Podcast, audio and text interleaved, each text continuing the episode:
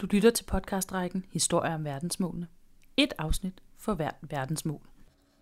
Dette er 13. afsnit ud af 17. Her sætter vi fokus på verdensmål 13, klimaindsats. Alle podcast er optaget foran et live publikum med to eller flere oplægsholdere. Podcastrækken er udgivet af Nyt Europa i samarbejde med Global Fokus og magasinet 360 grader. Tak fordi du lytter med, og god fornøjelse.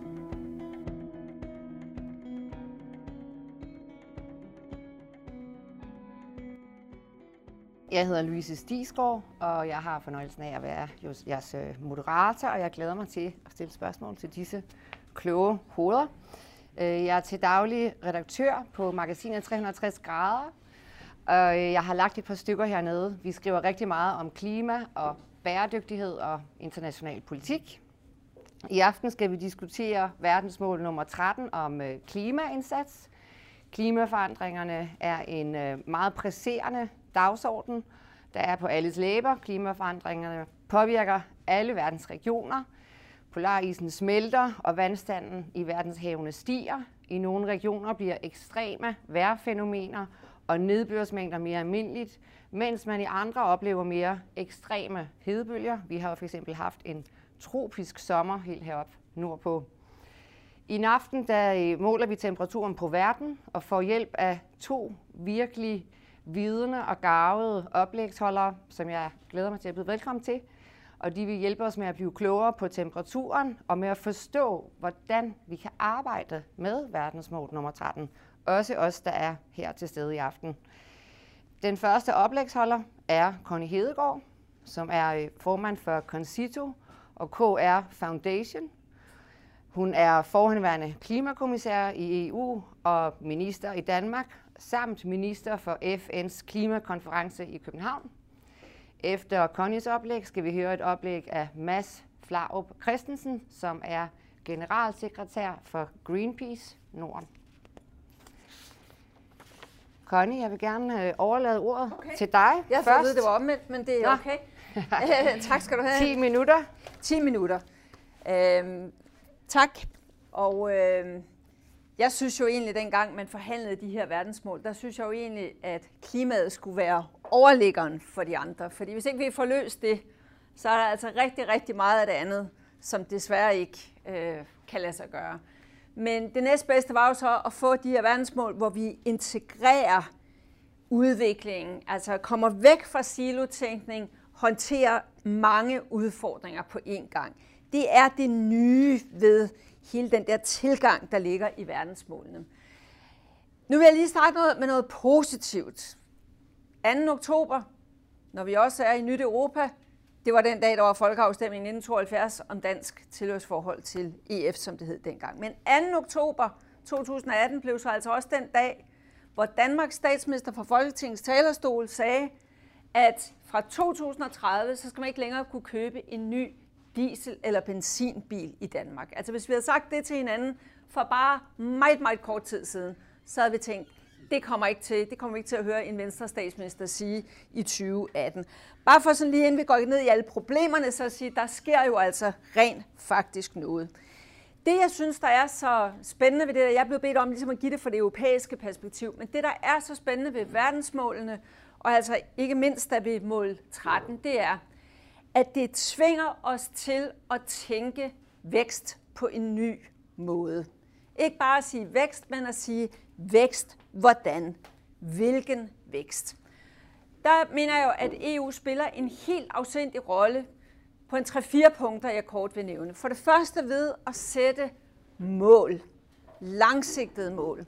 Og man kan lide det langt. Det er noget af det, EU er forholdsvis bedre skikket til, Blandt andet fordi man har en kommission, der ikke skal vælges, som, som selv når der er kriser og sådan noget, samtidig kan komme med nogle af de der lidt mere langsigtede ting, når national politik tit er meget, meget fokuseret på det korte og jo samtidig det virkelig, virkelig korte sigt.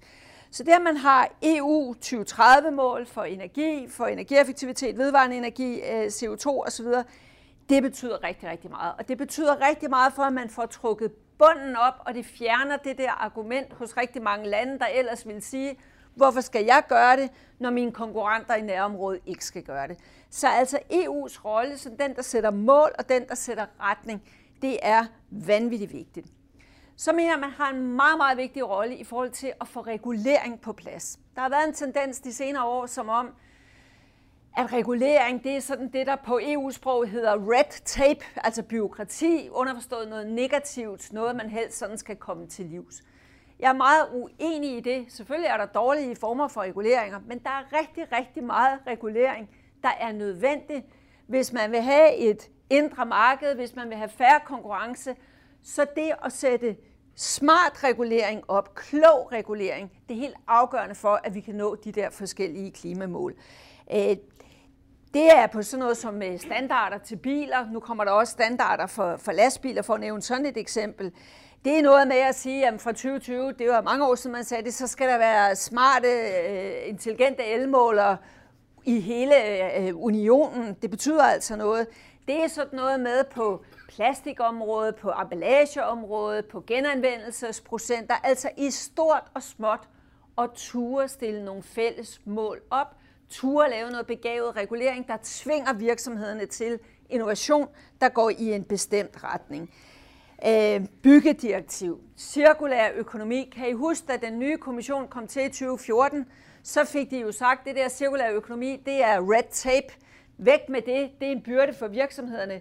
Så kom der et rammeskrig, ikke kun for NGO'erne, også for NGO'erne, men også for virksomhederne i Europa, der sagde, hallo, det er jo den smarte måde at lave moderne vækst på. Vi vil have det der cirkulære økonomi til at fylde noget mere. Jeg har altså set, også da jeg var minister i Danmark, set, hvad det betyder, at EU kommer med de der ting. Det er med til at trække EU-landene op sådan kollektivt, og hvis vi tror, at det kun er Polen og Rumænien og sådan nogle, vi får trukket op. Jeg kan sige, det kan vi komme tilbage til i diskussionen. Jeg har også set, hvordan Danmark samtidig bliver trukket med, og det er fordi, det er lidt pinligt, hvis man gerne vil være frontløber, og så ikke kan gå med på det ene og det andet og det syvende. Så det har altså også en virkning i forhold til os selv. Og så det med den begavede regulering, det gælder jo også sådan noget som landbrugsstøtte. Det gælder sådan noget som hele EU's budget, hvor det nuværende budget, syvårsbudget, års budget, der skal 30 procent af al den direkte landbrugsstøtte, den skal gå til øh, noget, der er godt for almenvældet miljø og klimamæssigt på landbrugsområdet. Jeg kan finde masser af problemer i den der måde, det blev udmyndtet på og sådan noget. Men selve tankegangen, at de penge, vi har i det fælles, de skal bruges til de tilskud, man får, dem får man kun, hvis man gør noget til det fælles bedste. Det mener jeg er en meget, meget vigtig øh, pointe. Så siger Louise sådan det der med, øh, hvad, hvad kan vi sådan alle sammen gøre? Jeg mener jo, de næste store skridt i klimaomstillingen, altså det bliver meget landbrug, det er meget transport, det er byggeri osv., men det er også at få det tænkt ind i vores økonomi, og få det tænkt ind i de centrale økonomiske beslutninger. Og helt ærligt, det sker ikke uden der også er pres fra EU-siden. Det er sindssygt svært at få hver enkelt medlemsstat til at gøre det selv. Altså, men, men det er dog et af de områder, hvor jeg mener, at EU kan sætte sådan en, en overligger, EU kan presse på, og så skal der ske en masse ting i vores eget finansielle system. Lad mig give nogle eksempler. Jeg mener, at hele det der arbejde, der er med Finansministeriets modeller, det er meget, meget vigtigt. Det med at få tænkt BNP på en klogere måde. BNP plus, uanset hvad man vil kalde det, vi kalde det tusind forskellige ting, der er andet end den mest snævre form for materiel vækst, der skal regnes som vækst. Det er en af de største reformer, vi kan lave. Det er med at få sat en pris på eksternaliteter. Det er med at få et 2050-perspektiv ind. Uanset hvilken beregning, hvilken reform, der laves i det politiske, at vi ikke kun kigger på, hvad er billigst i dag og i morgen og et finansår eller fire budgetår frem, men i forhold til, hvor vi har sagt internationalt, vi skal være med klimamålene og, og verdensmålene. Det er efter min mening, så er det altså her, vi virkelig trænger til at tage nogle af de store skridt, også at regne livscyklusanalyse og helt konsekvent købe grønt ind i hele den offentlige sektor. Bare for at sige, der er flere aspekter i det, men der er en helt klump der, hvor vi virkelig trænger til at få den her tænkning til at gennemsyre alverdens finansministerier. Og når nu jeg er blevet bedt om at give det europæiske perspektiv, så vil jeg bare sige, det er sådan set et af de områder, hvor EU er begyndt at give meget håndfaste anbefalinger til medlemsstaterne, og i marts måned kom der også et udspil fra kommissionen om, hvordan de institutionelle investorer på en helt anden måde skal vise deres risiko. Det er ikke gået langt nok endnu, men altså de skal begynde at disclose, de skal begynde at arbejde sådan med øh, at definere, hvad er egentlig en bæredygtig investering. Det er sådan noget, EU kan hjælpe med. Få sat ord på det, sat begreber på det, komme op med definitionerne. Øh, de taler om at skabe en EU-mærkningsordning for, når noget er reelt bæredygtige investeringer. Øh, der er en helt, helt lang række tiltag i det forslag, der kom i marts øh, i år der. Det sidste, jeg så bare vil sige om det, det er, sådan noget bliver jo kun til egentlig lovgivning i medlemsstaterne, hvis, stater, hvis der er stater, der, der så vil trække med. Altså, det behøver ikke være 28 eller 27, eller hvor mange der sådan efterhånden er i klubben. Men det, der er nødt til at være en 8-10 lande, der virkelig vil det, og virkelig trækker i den retning. Og der kunne jeg godt ønske mig, at Danmark i højere grad virkelig var i den, øh, lidt mere at finde der. Og det sidste, så vil sige, det er, jeg synes, altså nu står vi foran et Europaparlamentsvalg til, der er sat dato på i dag, 26. maj. Vi står foran et folketingsvalg også, hvor der kan for en gang skyld virkelig blive fokus på, på klima, og, og det er jo super godt. Men i forhold til det der med EU, der synes jeg, at vi trænger til, at EU på en helt anderledes systematisk måde får tænkt det der med klima og det der med den nye slags måde at vækste på, får tænkt det ind i den fundamentale fortælling om EU. Altså, så det ikke er noget, der sådan er parkeret derovre, og så er der nogle klimamål her, og så er der lidt der i budgettet og sådan noget det bør tænkes ind i selve raison for det europæiske samarbejde i det 21. århundrede. Det vil vi uddybe i øh, Q&A her om lidt. Men det er bare for, jeg tror, det var noget, der kunne få mange europæere til at ranke ryggen lidt. Det er der, hvor vi helt klart er anderledes end en amerikansk tilgang. Det er der, vi helt klart er noget andet end en kinesisk tilgang. Og jeg tror, at om folk hører til til højre eller til venstre eller i midten, med undtagelse af, af nogle øh, nationalister og populister, der er fuldstændig stjerne ligeglade med klimadagsordenen, så tror jeg, der er et virkelig massivt flertal af europæiske borgere, der ikke mindst yngre europæiske borgere, der super gerne vil være en del af et fællesskab, der har det her med indfrielse af verdensmål, indfrielse af klimamålene, som et reelt omdrejningspunkt. Så når man sætter sig ned og laver store politiske aftaler, så er det ikke undtagelsen, men reglen, at man spørger sig selv, inden man vedtager det, går det her, bringer det os nærmere de mål, vi har skrevet under på i Paris-aftalen og i aftalen om verdensmål, eller kommer vi ikke ud af stedet, eller kommer vi decideret i den gale retning? Hvis man hele tiden havde det som sådan et princip, der styrede, skal vi investere her eller der, skal vi vedtage A eller B, skal vi lave den reform eller en anden reform, så tror jeg, at man fik en stærkere fortælling som rigtig, rigtig mange borgere i Europa kunne se sig i, og som sagt også noget, der vil give EU lidt stolthed i forhold til Trumps USA og Xi Jinpings Kina.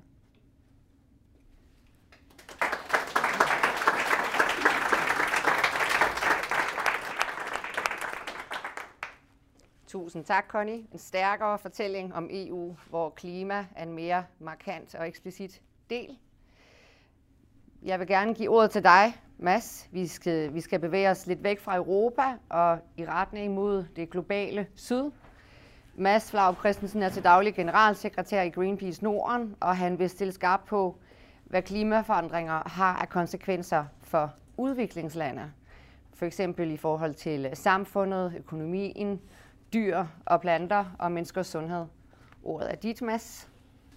Ja, på 10 minutter så er jeg ikke helt sikker på, at jeg klarer at øh, få øh, afdækket hele det felt der. Det kan jeg godt afsløre med det samme. Øhm, og øh, jeg vil også fokusere lidt på Danmark.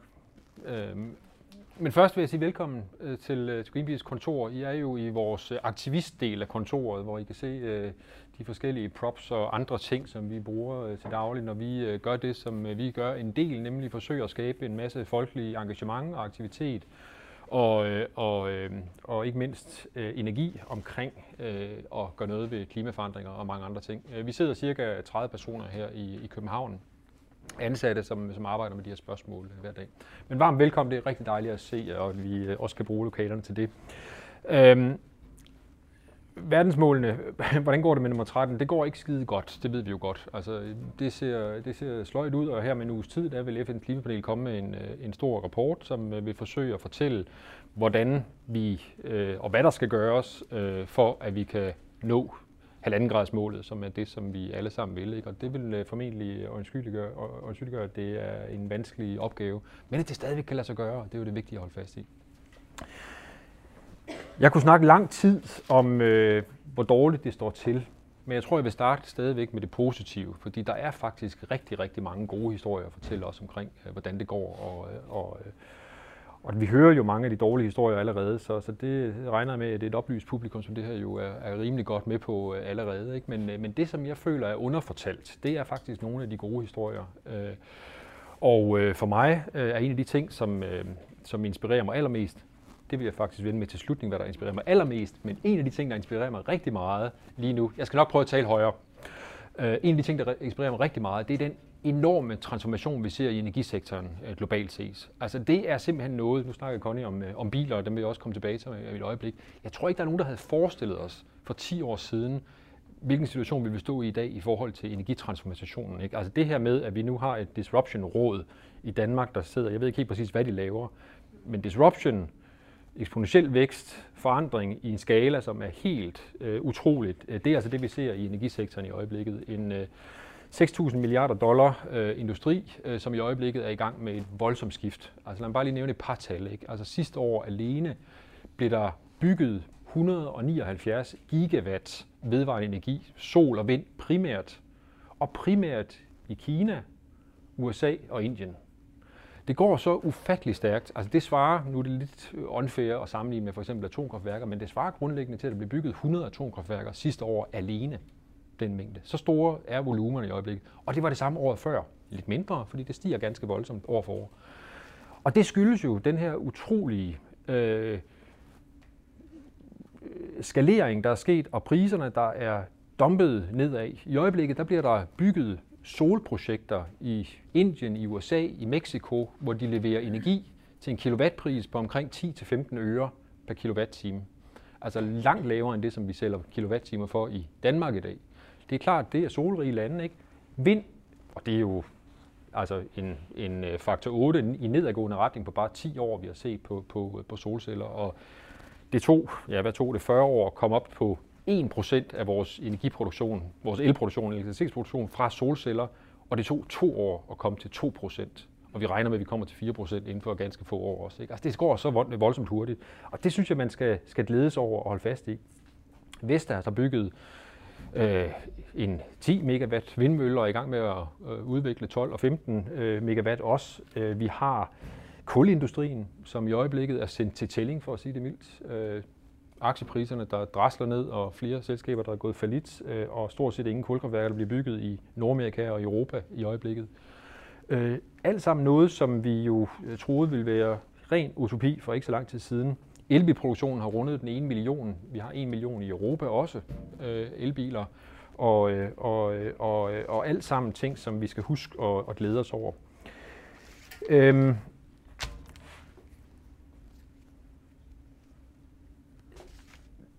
Danmark,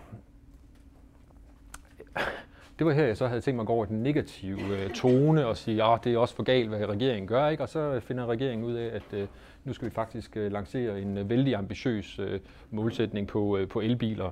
Så det gør det selvfølgelig lidt mindre sort-hvidt, det skal jeg gerne indrømme. Og det er jo super glædeligt. Altså, det er en rigtig god øh, målsætning, at, øh, at vi nu har fået øh, den ind. Godt nok er det ikke en total udfasning i, i 2030, øh, men det er, er trods alt øh, alle undtagen hybridbiler, altså hybridbilerne i 2035 øh, og en målsætning om 1 million biler i Danmark øh, i, i, i 2030. Hvis de får det igennem, så er det super godt. Vi havde gerne set, at det var 2025. Vi havde også gerne set, at, at man fulgte Norges eksempel med at, at virkelig sætte nogle effektive øh, incitamenter i, i, i søen for at få det, få det gjort, men, men det er trods alt øh, udmærket. I Danmark har vi jo en målsætning, der hedder, at vi skal øh, være øh, øh, fri af fossile brændsler og nul emission i senest 2050. Det er jo sådan set fint nok. Det eneste problem er bare, at det faktisk er for sent. Altså når vi ser på, hvad regnestykkerne fortæller os, hvad videnskaben fortæller os, så skal vi faktisk mindst 10 år før, altså 2040, nå det mål. Øh, og det øh, er simpelthen det, der må være udgangspunktet for alt, hvad vi gør i Danmark. Det må være, hvad er det, videnskaben fortæller os, og hvad er det, vi skal nå. Og så glemme alt den snak om realisme, og vi skal også bevæge os øh, i, i en takt, hvor alle kan følge med og sådan noget. Altså videnskaben fortæller os, hvor vi skal hen, og regnestykkerne er relativt klare. Så det er simpelthen noget med at få, få strammet de der øh, mål op. Øhm, jeg vil lige nævne et par andre ting. Jeg ved, jeg ikke har lang tid, men øh, i Danmark er vi jo vældig stolte af vores vindmøller. Men jeg vil også sige, at det er desværre en af de få ting, som vi kan være stolte af, når vi snakker grøn omstilling. På stort set alle områder, alle andre områder, der går det for langsomt, og er slet ikke op i det eksponentielle disruption gear, hvad man ellers kalder det af smarte ord, øh, som vi skal være i på nuværende tidspunkt. Det er der ingen tvivl om. Øh, samtidig med, at vi er stolte over vores vindmøller, så har vi jo en, en, en, et, bredt flertal i Folketinget, der sammen med, med en række selskaber jo har bestemt sig for, at øh, den absolut sidste dråbe olie skal pumpes op af, Nordsøen samtidig med. Ikke? Og det er jo øh, klart, at vi kan være stolte af vores vindmøller, men det er jo faktisk mere end dobbelt så meget energi, vi hvert år henter op af Nordsøen og sender ud på, på markedet og, øh, og eksporterer. Og på den måde så underminerer vi jo vores muligheder for at nå de her klimamål. Vi ved jo faktisk i dag, at vi har simpelthen ikke råd til at gå ud og lede efter en eneste dråbe mere olie. Vi har ikke råd til at brænde den olie og gas og kul af, som vi allerede har fundet, faktisk langt fra. Øh, så derfor er det øh, dybt problematisk, at det, at det fortsætter. Vi ved, at der kommer en, øh, en, øh, en klimaplan. Ja, vi vidste ikke præcis hvornår, men i dag der sagde statsministeren, at den ser vi i næste uge, og den har forhåbentlig nogle rimelig håndfaste, håber vi, øh, øh, værktøjer til øh, at fortælle os, hvordan er det, vi skal nå reduktionen, også i den sektor, som ikke er el- og, og varmesektoren, altså den såkaldt ikke-kvotebelagte sektor, det typisk øh, øh, biler, øh, boliger og bønderne, øh, altså landbruget, transport og, og vores boligmasse. Der kommer forhåbentlig et, øh, nogle, nogle, øh, nogle håndfaste øh, svar på, hvordan vi skal nå den 39 procents reduktion, som øh, er det, vi ved, vi skal have reduceret den sektor med. Det er klart, bilerne, jamen der har vi så fået noget nu. Selvfølgelig ved vi ikke, hvordan vi har tænkt os at nå den 1 million biler endnu. Der er stadigvæk et stort spørgsmål omkring det.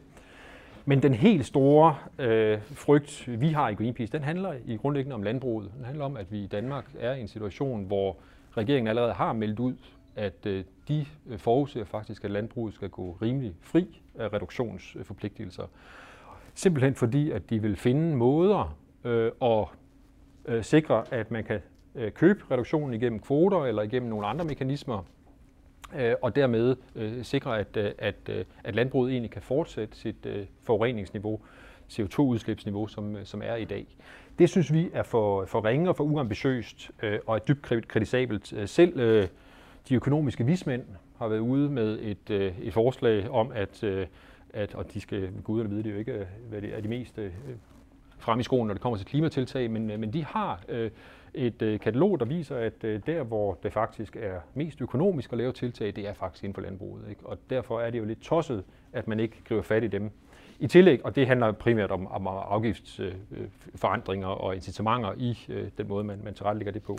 I Greenpeace mener vi, at der også skal, skal andre håndfaste øh, midler i brug. Det er klart, at den industriintensive animalske produktion og ambition om at øge det det er simpelthen ikke forenligt øh, med en ambition om at nedbringe CO2-udslippet. Så hvis man får øh, frigivet mere landbrugsjord til øh, natur, til skov, og samtidig får omlagt øh, mere af landbruget, jamen, så har man en reel chance for at kunne nå nogle ordentlige forpligtelse, øh, reduktionsmål der. Afslutningsvis vil jeg bare sige, jeg kan se, at du tripper. Øh, jeg skal nok stoppe. Afslutningsvis vil jeg lige vende tilbage til, hvad der er, der inspirerer mig allermest. Øh, og øh, den inspiration finder jeg i, at nu har jeg arbejdet med klimaspørgsmål, som jeg er sikker på, at mange andre jeg også har gjort i rigtig, rigtig mange år. Men jeg har aldrig nogensinde før oplevet, at der er så meget energi, så meget engagement, øh, så mange, der har lyst til at engagere sig i det. Særligt i blandt den yngre del af befolkningen. Øh, 15.000 mennesker i Danmark på gaden for en måned siden til Klimamars. I øjeblikket er der en kæmpe mobilisering fra en masse mennesker, en masse organisationer nede i øh, Hambaksgårdene, nede i øh, Nordrhein-Westfalen i, i Tyskland, øh, for at forhindre, at øh, et stort energifirma øh, udvider deres øh, brunkulsminer dernede. Øh, en, øh, en klar underminering af hele den europæiske og øh, den øh, globale forpligtelse og, øh, og, øh, og mulighed for at nå klimamålene, hvis den øh, bliver taget i brug. Og vi ser øh, masser af øh, mobilisering i forhold til retssager øh, i forhold til retssager mod øh, virksomheder, der ikke opfylder deres øh, forpligtelser, og en masse andre tiltag. Det pipler simpelthen op alle vejen, og det synes jeg er øh, der, jeg finder min øh, optimisme, som nogle gange, når man ser på nogle af de andre resultater, kan være lidt svær at finde. Tak.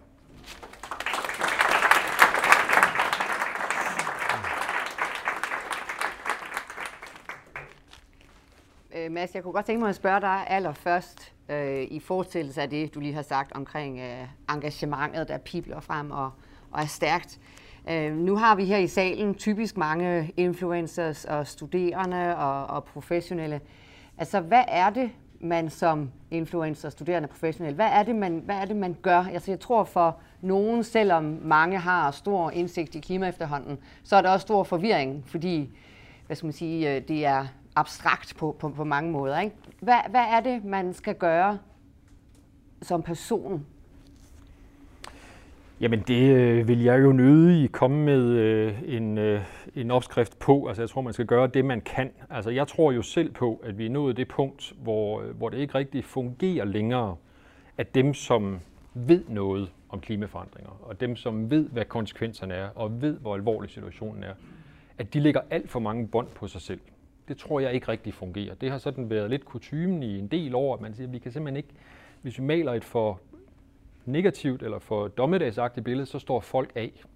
Og det er jo også rigtigt. Men problemet er bare, at det er der, vi er ved at være. At det er det, der er virkeligheden. Og der kan vi jo ikke lade være med at tale om det.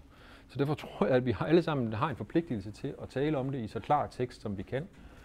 Og så øh, selvfølgelig øh, bruge øh, den energi, netværk øh, og hvad vi ellers har til at øh, og, øh, inspirere andre til at handle lokalt, såvel som øh, influere vores politikere til at gøre det rigtige.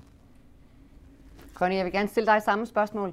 Altså, hvad er det, man som, som person, som influencer, som studerende, hvad er det, man, man kan gå ud og gøre? Altså, hvordan håndterer vi klima også på, hvad skal man sige, ikke kun det, det høje politikerplan, men som borger? Jeg tror, der er enormt meget, man kan gøre. Øh, tag sådan noget som, at kødforbruget fem år i træk nu har været faldende i Danmark. Og jeg ved, det er sådan lidt en diskussion om de tal, fordi der er noget convenience og nogle ændrede indkøbsmønstre, der, der gør, at man kan ikke sådan lige en til en til det. Men grundlæggende vil selv folk på Akselborg sige, kødforbruget falder i Danmark, og især falder forbruget af rødt kød. Det er bare et eksempel. Altså for 5-10 år siden, det var jo, altså bare for to år siden, det var sådan total no-go bare at, at snakke om. Og det, det er jo et af de steder, hvor man kan sige, hvor lang tid tog hele det der rygehaløj og få folk til at ændre adfærd? 10, 15, 20 år eller sådan noget. Det her, det er jo gået hurtigere end nogen forestiller sig. For mig er det sådan et eksempel på, og jeg tror rigtig mange af os, det er ikke fordi vi er blevet vegetar, vi er bare blevet meget mere bevidste om, hvad vi spiser, hvornår og hvor meget vi spiser af det røde kød, og hvor det kommer fra og sådan noget. Så for mig er det sådan et eksempel på, at det nytter når nogle mennesker og nogle trendsetter og nogle af dem, der sådan har øh, hvad skal jeg sige, opmærksomhed i det ene eller det andet, det syvende forum, eller som blogger, eller whatever, folk begynder at gøre noget andet, snakker om det, at lige pludselig, så kan vi altså se, det, det, det kan flytte noget. Hele den der diskussion om biler nu med Lars Løkke, der siger, som man gør i dag, det er da fordi, det var da pinligt sidste år, at man havde en regering, der kom med et udspil til ændring af bilafgifter, der kun gik ud på billigere biler, som om, at danskerne står og stamper i jorden og siger, at jeg vil have billigere biler, men de må ikke samtidig være renere. Ikke? Altså, den vælger findes jo ikke, og der findes ikke ret mange i hvert fald. 10 måneder efter, de kom med det udspil, så står de nu og kommer med det andet. For mig er det da et eksempel på, at de kan mærke, de kan se. Der er nogle borgere derude, der når de bliver ringet op til en eller anden meningsmåling, eller når de er til et eller andet møde, eller de møder nogle øh, politikere et eller andet sted, at så begynder man sådan at sætte ord på det her. Skabe nogle forventninger om, stille nogle krav til, hvad varer man køber, til producenterne, til de store dagligvareproducenter, til sine politikere lokalt osv. osv. Så, så jeg tror, at det der personlige engagement, det skal man altså ikke kæmpe af. Det kan ikke kun løses, det håber jeg fik sagt. Altså, der skal strukturelt ske mange ting. Og politikerne har deres opgave, virksomhederne har deres opgave. Men i demokratiske samfund, så har vi som borgere og som forbrugere en ret stor mulighed for også at, at flytte tingene. Øh, og, og det tror jeg, man skal virkelig benytte. Jeg tror også, jeg, jeg er altså skræmt for videre sans, hver gang nogen laver en klimamarsch, for jeg er så bange for, at hvis der ikke dukker nogen op, at så vil det sende det modsatte signal. Det gjorde det jo så heldigvis ikke sidst. Og det der, man sådan kan se, der mobiliseres. Hvis jeg så må sige en ting til undskyld for langsvar, Louise, så tror jeg, at vi skal være opmærksom på, at der er også især mange unge mennesker, der begynder at blive lidt utålmodige. Af de grunde, Mads nævner, det er ved at blive alvorligt, det her. Så jeg tror altså også, det er vigtigt, at hvad skal jeg sige, det etablerede system rykker og viser virksomheder, store organisationer, politikere fra de store partier osv., vi har forstået det her. Ellers tror jeg, at vi ser en polarisering, og så kan man sige, at gør det noget? Ja, det gør noget, fordi øh, polarisering, så lige pludselig kommer alle tilbage i de huller, de kom fra, og, og, og, og vi skal jo have mainstream med. Og det, der skal til for, at det også sker, tror jeg, det er, jeg er enig i, vi er nødt til at vise, at det her er alvorligt, men vi er også nødt til at vise løsningerne. Vise mulighederne, og have en eller anden positiv fortælling, mennesker kan se sig selv i. Ellers så vil der være 10% aktivister, der siger, det vil jeg gerne bruge min tid på, og resten siger, det bliver ikke med mig. Altså det der med at se, hold da op en spændende by, hvor der ikke nødvendigvis alle arealer er plads, til med parkeringspladser. Hold op, det vil jeg da gerne være en del af. Hold da op, man får det bedre også, hvis man ikke spiser så meget rødt kød. Altså hele tiden at vise co-benefits, vise det attraktive i en anden måde at gøre det på. For jeg tror, hvis ikke folk kan se sig i det, så er passivitet en nemmere løsning, og så holder man sig til det, man kender. Øh, nu er øh, Folketinget lige åbnet i dag, så man kan næsten ikke lade være med at spørge. Altså hvis I skal give danske indsatser fra øh, regeringens side, karakterer og sige, hvad er det præcis, vi har brug for nu? Altså sådan meget konkret, hvad er det for en indsats, øh, der skal til, og hvad har vi ikke gjort godt nok lige nu? Ja, jeg tror, jeg svarede på det, eller jeg prøvede at svare på det øh, før også i indlægget, hvad det er for nogle konkrete områder, der, der kunne rykkes på. Altså jeg tror helt overordnet, hvis man skal give en karakter til, til regeringen, øh, så er den dumpet. Altså der, der er ingen tvivl om, at, at, øh, at den grønne omstilling har været ja, bremset så hårdt op, at den har siddet helt op i forruden. Ikke? Altså, det, det er øh, Danmarks førerposition, øh, det er øh, eksport for rigtig mange milliarder, der er blevet sat på spil, øh, fordi at der er blevet bremset op på den måde, som, som der er de sidste par år. Det er også derfor, at man øh, jeg er jo glad for udmeldingen i dag, men jeg sidder stadig med fornemmelsen af, at det kommer her lige før valget. Der er en flanke, der skal lukkes af. Øh, vi jeg ved ikke, hvor dybt det stikker, hvor mange i regeringen er det en, der synes det her. Vi har to øh, regeringsstøttende partier, den ene i regeringen og den anden udefor, med masser af medlemmer, som grundlæggende stadigvæk taler om, at klimaforandringer ikke er reelle, ikke findes og sådan noget. Ikke? Altså, Ja, vi ved simpelthen ikke, hvor, hvor, øh, hvor, øh, hvor dybfølt det her det er, og om, om det her det er starten på noget, eller om det bare er en one-off i forbindelse med en, en, øh, en valgkamp, der kommer nu. Og det synes jeg er et, er et forbandet stort problem, øh, fordi at øh, lige nu der har vi lande omkring os, vi har særlige lande uden for EU, øh, som øh, rykker voldsomt på den her agenda, og som rykker hurtigt. Altså de ting, der sker i, i Kina og i Indien, øh, Øh, ja selv i USA, ikke, som, hvor, hvor vi jo øh, nynner, ynder at snakke om, øh, om, om Trump, men, men misser øh, mange af de ting, der foregår på statsniveau og foregår blandt virksomheder. Altså de, de er på et helt andet, øh, helt andet plan end, øh, end de ting, som, øh, som vi ser i, øh, i, i Danmark. Øh, der er ingen tvivl om, at, at transporten handler ikke kun om elbiler. Transporten handler også om den tunge trafik, det handler også om, hvordan vi får begrænset flytrafikken, det handler også om øh, vores, øh, vores, øh, vores havgående trafik, øh, det handler om offentlig transport, øh, så hele den øh, side skal der gøres meget mere på.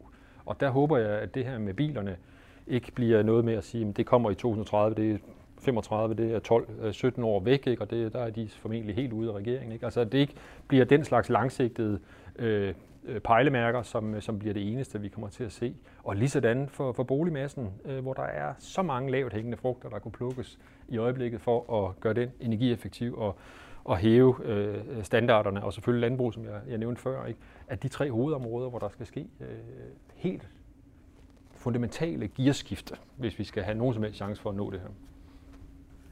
Connie, en karakter, og øhm, yes. hvor er det konkret, man skal sætte ind nu? Jeg synes, at det var super godt, at alle folketingspartier var bag energiaftalen. Jeg tror, det er sindssygt vigtigt, at der er det der brede spor omkring tingene. Så det synes jeg var godt. Jeg synes også, det er rigtig godt, at så vidt jeg forstår, både DF og Liberal Alliance de har nu ikke længere klimaordfører, der benægter klimaforandringer. Så det er jo, det er jo super godt. Øh, men, men det er jo sådan lidt nøjsom konstatering, kan man sige. Øh, jeg synes, at det er ubegribeligt nærmest, at man har, og det er skiftende regering, det er også den tidligere S-ledede regering, siden 2010 har man skåret i bevillingerne til energi og miljø og klimaforskning. Jeg forstår det ikke. Jeg forstår heller ikke, at dansk industri og sådan nogen ikke råber meget stærkere op. Vi har skabt 60.000 arbejdspladser ved at være first movers i mange af de her ting. Det bliver altså vi bliver ikke ved med at have den position der, hvis vi halverer vores indsats. Så ved jeg godt, at energiaftalen den lægger lidt oveni, men det er altså fra et halveret niveau. Og så vil man i 2023, der vil man være nået op på samme niveau, som vi havde i 2010. Det er simpelthen ikke godt nok. Og så tror jeg altså, og jeg vælger så at se det positivt, at man nu tager fat på transporten. Jeg er enig med Mads i, man bliver også nødt til at gøre noget ved landbruget. Det er derfor, det er interessant, at vismændene er ude og sige, hallo, I snakker om, hvad der er samfundsøkonomisk. Hvis der er noget, der er samfundsøkonomisk, så er det tage fat på nogle af de lavt hængende frugter, der stadigvæk er der. Så man kommer ikke udenom det. Men der er én ting til, man heller ikke kommer udenom. Man kommer ikke udenom at tage, hvad skal jeg sige, som partier og regering og folketing, tage en samtale med den danske befolkning om, det her, det er ikke bare sådan easy peasy. Altså, det er ikke sådan, at det er meget, meget let. Det er ikke sådan, at det alt sammen bliver gratis eller ikke koster noget. Og det tror jeg, at man bliver nødt til ligesom at ture sig. Altså, det er jo fint nok, at man kan fjerne nogle afgifter, og så kan det blive mere attraktivt at investere i varmepumper. Det er jo fint. Men det bliver ikke ved at være sådan. Indimellem vil der også være nogle, nogle afgifter, der skal op for at finansiere nogle af dem, der kommer ned og så videre. Altså der vil være noget adfærd, som, som skal reguleres, blandt andet ved, at det bliver dyrere at sløse med ressourcer, eller hvad det nu kunne være. Bare for at sige, man bliver også nødt til at stå på mål for, kære venner, kære befolkning, det her det er en virkelig, det er en svær rejse. Nu har vi, vi har gjort meget godt på energiområdet, men det var altså første del, og det var ikke den sværeste. Nu kommer vi til noget af det, der er langt mere svært, og som virkelig kræver politisk lederskab. Og, og derfor vil jeg også sådan håbe, at de kunne blive ved med, også med klimaplanen, muligvis først efter et valg, eller hvornår det nu kan blive, men at få den brede enighed om det, for det er alligevel styrken i Danmark. Det har vi ikke har det der stop-go, som rigtig mange andre lande har haft. Så bare lige med sige en sidste ting der, så, så kan vi øh, ind til regeringer og sådan noget.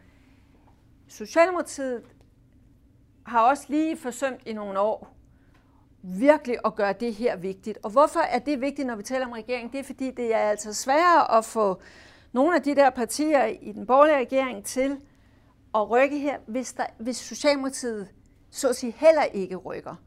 Og derfor var det så vigtigt i foråret, at lige pludselig Mette Frederiksen altså gik stærkt ud. Altså hvis man nu skal sige det på den måde, det var jo ikke det, man har hørt Henrik Sass tale mest om, så har jeg prøvet at sige det på sådan en lidt simpel måde måske, men det har ikke været det, der stod øverst på dagsordenen det er super godt, at Mette Frederiksen personligt ligesom gik ud og sagde, nu tager vi den her dagsorden på busser, og jeg ved ikke hvad, og at Lars Lykke også gjorde det. Og det er jo det, der alligevel giver lidt et håb for, at nu tager vi altså de, de, næste, de næste skridt.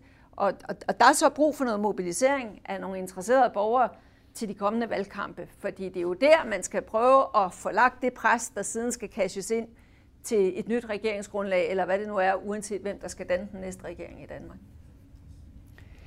Øh, vi havde i, i sidste nummer af vores magasin 360 grader en historie om klima, som vi var meget glade for, fordi den handlede om det delta, der ligger mellem Indien og Bangladesh, hvor det var sådan meget konkret, at klimaforandringer driver tigere ud af deres habitat og ind i byerne. Altså, så det var sådan en, en meget konkret historie, hvor vi ligesom kunne vise billeder af, at folk blev faktisk hvis man siger, næsten angrebet af de her klimaforandringer, fordi det var så markant. Men det klimadebatten og klimaeksperterne, så nogen som jer, ofte bliver kritiseret for, det er, at klima nemt bliver meget øh, abstrakt. Altså, har I været gode nok til at gøre det konkret? Altså nu siger du, vi, vi er så tæt på, at det er for sent, og vi er ikke ambitiøse nok. Altså kan du lave nogle eksempler på, hvordan kan vi blive mere øh, konkrete? Ja, altså, først og fremmest så, så, så tror jeg jo ikke, at man skal gøre øh, folk øh, dumme. Altså, folk forstår jo godt, hvad det er, der sker, og kan forholde sig intellektuelt til, øh, til også øh, rapporter og sådan noget. Så jeg, jeg tror personligt, at det nok er andre barriere, der har været for, at vi ikke har set mere vilje, handling, øh, pres. Hvad, hvad har det været for Jeg tror vel, det handler om nogle, øh, nogle ret fundamentale ting omkring, at man øh, vældig gerne vil fortælle sig selv, at det går nok. Altså det her, det er lidt for vanskeligt, lidt for stort, lidt for svært, og skal jeg nu holde op med at køre i bil? Skal jeg nu sidde derhjemme øh, og ikke komme ud? Og alle de der ting, hvor det bliver for stort og, og for meget modstand. Jeg tror ikke, at det er, ikke, og det er ikke fordi, jeg ikke vil være selvkritisk over den måde, vi har arbejdet på. Det vil jeg meget gerne, og jeg vil gerne lære af det. Ingen tvivl om det. Men, men, men jeg har en, en, en grundtanke om, at, øh, at øh, folk øh, i stigende grad øh, forstår, ser, øh, ved, at der skal gøres noget, men, men savner selvfølgelig nogle gode svar på, hvad gør vi, og hvordan kommer vi videre. Når det så er sagt, øh, så er der jo ingen tvivl om, at, øh, at fortællingen om, øh, hvor konkrete klimaforandringerne er, bliver jo også nemmere og nemmere. Ikke? Fordi at øh, vi har tørken, øh, vi har en hedebølge, øh, vi har øh, orkanerne, og de bliver flere, og de bliver hyppigere. Øh, og vi øh, kan begynde at lave nogle af de her kausale sammenhæng mellem nogle flygtningestrømme, vi kan se konflikter, og vi ser det. Altså det er ikke noget med fremtiden, det sker lige nu.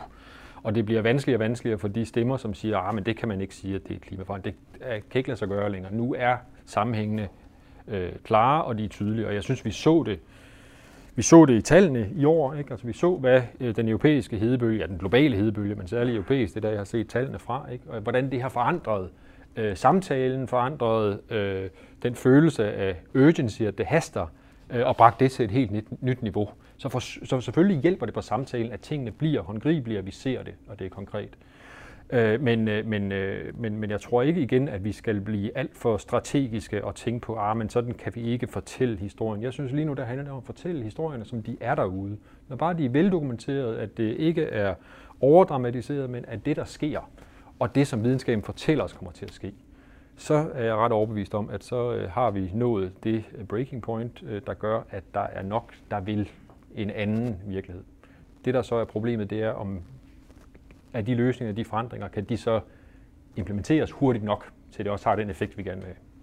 Havde det her sket for 15 år siden, det havde været guldscenariet, ikke? det var, at vi havde rykket på nogle af de her ting, at vi havde set de, den forandring i, i priserne på, øh, på, øh, på vedvarende energi, øh, på den, øh, øh, nogle af de konsekvenser, som, som vi ser nu. Var det sket for 15 år siden, så øh, havde situationen været en ganske anden i dag. Men det er der jo ikke nogen grund til at græde over i dag. Connie, du har jo en fantastisk øh, øh, viden og indsigt i forhold til at, øh, at blive stillet det her spørgsmål. Altså, fordi du sad, vi havde, øh, vi havde COP15, og, og alle var her, og der var så stor opbakning, og samtidig så var der også nogle, nogle enorme øh, barriere. Øh, hvad er det, vi ikke har gjort, øh, eller været gode nok til at gøre konkret, og hvad er ligesom øh, vejen frem i at, at få folk til at forstå, at det her, this is real? Det lykkedes jo sådan set op til COP15 at få mobiliseret, altså virkelig at få, og, og, få folk til at forstå, at det her det er vigtigt og alvorligt, og for første gang nogensinde også at få det på stats- og regeringschefernes dagsorden. Ellers havde det jo været sådan noget, miljøminister måtte, måtte tage sig af. Så der startede den der sådan mere integrerede tilgang til det. Så blev det desværre iskold vinter, da alle de der forhandlere kom til København. og sådan, men, men altså på en eller anden plan, kan man sige, det her med at få mobiliseret og formidlet alvoren og viden. Det kan mange af os undre os over. Hvorfor skal det tage så lang tid? Øh, men det ændrer ikke ved, at vi jo så ser nu, altså det er samtidig sådan nogle bevægelser, de sker sådan altså meget, meget, meget langsomt, og så pludselig, så er den der. Og det, det er lidt der, jeg tror, vi, vi er ved at være nu.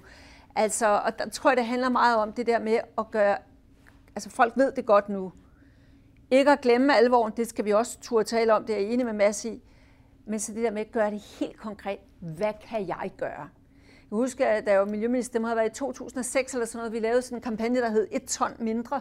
Vi sådan en kæmpe stor øh, ballon der, viste, hvad et ton fylder, og gjorde, lavede sådan en helt konkret kampagne. Hvad kan du gøre hjemme ved dig for at reducere et ton? Altså, det var sådan en måde at bevidstgøre folk omkring det på. Og vi målte bagefter, øh, sådan et eller andet bureau, der målte, at øh, der var altså over 90 procent af en voksne del af befolkningen, der havde hørt om det her, og der var over halvdelen, der sagde, at vi har ændret vaner. Det, der så er det dårlige del af både det og alle mulige andre erfaringer omkring det her, det er, så tror man, nu er vi, altså, nu har folk fattet det. Så kommer der en økonomisk krise bullerne, og så er det ligesom om, så, så skal vi ned og starte igen. Og, og, og det skal vi stadigvæk huske. Det kan også ske. Det kan ske en gang til, hvor vi tror, at nu har folk fattet. Så man kan så undre sig over det der, at man skal ligesom skabe den der awareness igen og igen og igen. Det er ikke sådan en kontinuerlig, at, at nu ved folk det godt, og så kan vi ligesom lade være at snakke om det. Øh, og der har medierne jo sådan en meget stor rolle. Jeg tror det knap nok, at uh, der var gået et døgn fra COP15 var slut til danske medier begyndte at skrive, nu har vi også climate fatigue. Okay, ja, altså så ligesom om, nu har vi jo haft den historie om klima, kan vi ikke snakke om noget andet. Øh, og, og der tror jeg altså, at øh, det er rigtig vigtigt hele tiden at finde nye måder at fortælle det på, men ikke at være bange for os at understrege urgency, men hele tiden lade det gå hånd i hånd med løsninger. Hvis det ikke er løsninger, så bliver folk bare paralyseret og magtesløse. Og det er der ingen mennesker, der kan lide at bruge deres liv på. Øh, skønt eksempel med det her med et ton, øh, altså hvor det sådan bliver meget konkret, og der, og der bliver handling. Så jeg kunne godt tænke mig også at spørge dig, altså du må gerne tage udgangspunkt i, i, øh, i jeres eget arbejde, men også hvis der er et godt eksempel et andet sted. Altså et godt eksempel på, hvor man har skabt handling, altså hvor man har engageret og skabt handling, og der er ligesom sket noget. Altså øh, enten i form af, af lovgivning eller en kampagne, eller for eksempel den her med, med et ton. Har du sådan et eksempel? Jo, men altså, øh, jeg synes, der er mange eksempler, men, men øh, jeg skal selvfølgelig være navlepillen nok til at tage Greenpeace eksempel, men, øh, men altså, øh, for otte år siden startede vi en kampagne omkring Arktis, øh, som, øh, som øh, vi havde i mange år forsøgt at skabe en samtale omkring det her med, at vi er nødt til at lade noget af vores olie ligge i jorden, hvis vi skal have nogen som helst chance for at nå de her øh, mål. Og det havde været utroligt vanskeligt at engagere folk i. Det var for abstrakt, og det var for vanskeligt, og hvor er det, hvad skal blive liggende, og hvad skal ikke blive liggende. Men det er klart, at der er nogle af de her marginale steder, hvor det simpelthen er så åbenlyst tåbeligt at hente det. Men det er tjæresandsdeponier i Kanada, eller det er olien under det mest sårbare område, vi formentlig har tilbage på planeten, nemlig Arktis. Og have den samtale meget konkret omkring, her er en grænse. Her er en fysisk grænse. Der er et område, som vi alle kan se. Der er et dyreliv, der er unikt. Der er en biodiversitet, der er unik. Der er en øh, vanvittig risici forbundet med at gå op og bruge efter olie.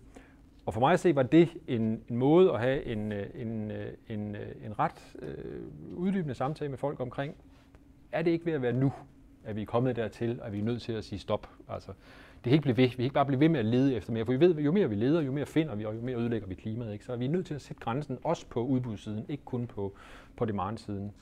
Og den synes jeg, vi, vi, vi fik med at have den samtale, og mobiliserede over 8 millioner mennesker, som var med på vejen, som var med til at lave aktioner online og offline, øh, var med i samtalen omkring, hvem er det, der skal gøre hvad. Vi fik engageret investorerne øh, til rent faktisk at begynde at sætte krav til øh, de her virksomheder om at trække sig ud af Arktis. Og vi fik et øh, øh landene, altså dem, der kunne lave øh, lovgivning, der kunne stramme tingene op og gøre det vanskeligere, fik dem med os. Og det sammen skabt et investeringsklima, et et, øh, et omkostningsklima, som var uattraktivt. Og det betyder, at der stort set ikke er nogen olieaktiviteter nu. Ikke kun på grund af vores, der er også noget med oliepriserne, ingen tvivl om det. Ikke? Men, men der er stadigvæk nogle ting, der kom sammen på folkeengagement og på, øh, på mange ting lige omkring det, og fik øh, i hvert fald for nærværende med nogle enkelte undtagelser lukket det eventyr ned. Plus, kan I huske, det er jo ikke ret lang tid siden, at der var fem pensionskasser i Danmark, der holdt generalforsamling, om de skulle ændre deres investeringsprofil og gå ud af kul. Og der var vist en det første år, der, en generalforsamling, der overhovedet vedtog det. Selv magistrene, de kunne altså ikke blive enige om at, at gøre det. Men altså, nu har de alle sammen gjort det, så vidt jeg forstår. Og er begyndt at ansætte nogen, der kan investere på en anden måde osv. Så det er, sådan, det er et meget konkret eksempel på, at man altså sådan set vil bare ret beskedent øh, engagement i sin pensionskasse for eksempel pludselig kan få nogen til at tænke anderledes. I øvrigt, som, som tider er det jo ufattelig simpelt. Jeg så øh, på et marked i Nice for nogle år siden, så var lå der alle de der grøntsager, og så stod der sådan foran de der store, lækre avocado, så stod der bare to ord på sådan skrevet i hånden. Brasil, Avignon. Altså fløjet, fløjet ind fra, fra Brasilien. Der står ikke andet. Det var ikke en meget øh, fin og forgrummet mærkningsordning. Jeg så i Olens over i Malmø, det store øh, magasin derovre. Så der, hvor der er bæredygtigt tøj, der hænger sådan nogle store tommelfingre, der viser ned til det rundt omkring i varehuset. Altså, hvor sådan nogen begynder sådan helt, helt simpelt bare at sige, Louise, hvis du er sådan lidt sådan mentalt indstillet på at gøre noget anderledes, så gør vi det maks let for dig. Øh, der, der tror jeg samtidig, så behøver det ikke at være sindssygt komplicerede løsninger. Øh, jeg ved, du også sidder i, i KR Foundation, hvor I øh, har støttet nogle, nogle ret kreative projekter og, og virkelig været fremme i skoene i forhold til klimaindsatser. Kan du nævne nogle eksempler på noget, der virkelig har været hvad man sige, at tænke ud af boksen? Altså, vi, vi har to sådan store programområder, og, øh, og det ene er det med bæredygtige investeringer, hvor vi støtter rigtig meget af det, der foregår på det her område. Øh, det er en meget, meget stor del, når man sådan sammenligner med, hvad der bliver givet for filantropien globalt øh, til det, som vi støtter. Og så på adfærd, men der, der er det så omvendt også, det, det er lidt vanskeligt, hvordan man sådan rigtig får grebet det der adfærd ind. Men noget, vi for eksempel har gjort, det er en hel, af de der, en hel del af de der religiøse samfund, som vi har støttet, altså øh, grøn, green face, sådan noget, som er muslimsk, og øh, noget, nogle opfølging på pavens og sådan noget. Altså nogle af dem, hvad skal jeg sige, der har sproget til at tale om etik og forbrug, for eksempel på en anden måde, og prøve at få bragt det i spil, også ved andet end sådan deres egne kredse. Øh, det er måske sådan et eksempel på noget, der har sådan en vis spredningseffekt. Øh, men altså, vi, er, vi, vi prøver at, at støtte også nogle mere sådan aktivistiske ting, som vi måske ikke flager så meget med, men som, øh, som er altså kulkampagner og sådan noget. At det, det er et af de områder, hvor der virkelig sker noget i de her år, og øh, det prøver vi også, om vi kan være med til at skubbe en lille smule på. Tak fordi du lyttede med. Denne podcast er udgivet af Nyt Europa i samarbejde med Global Fokus og magasinet 360 grader, og er blandt andet støttet af Europanævnet.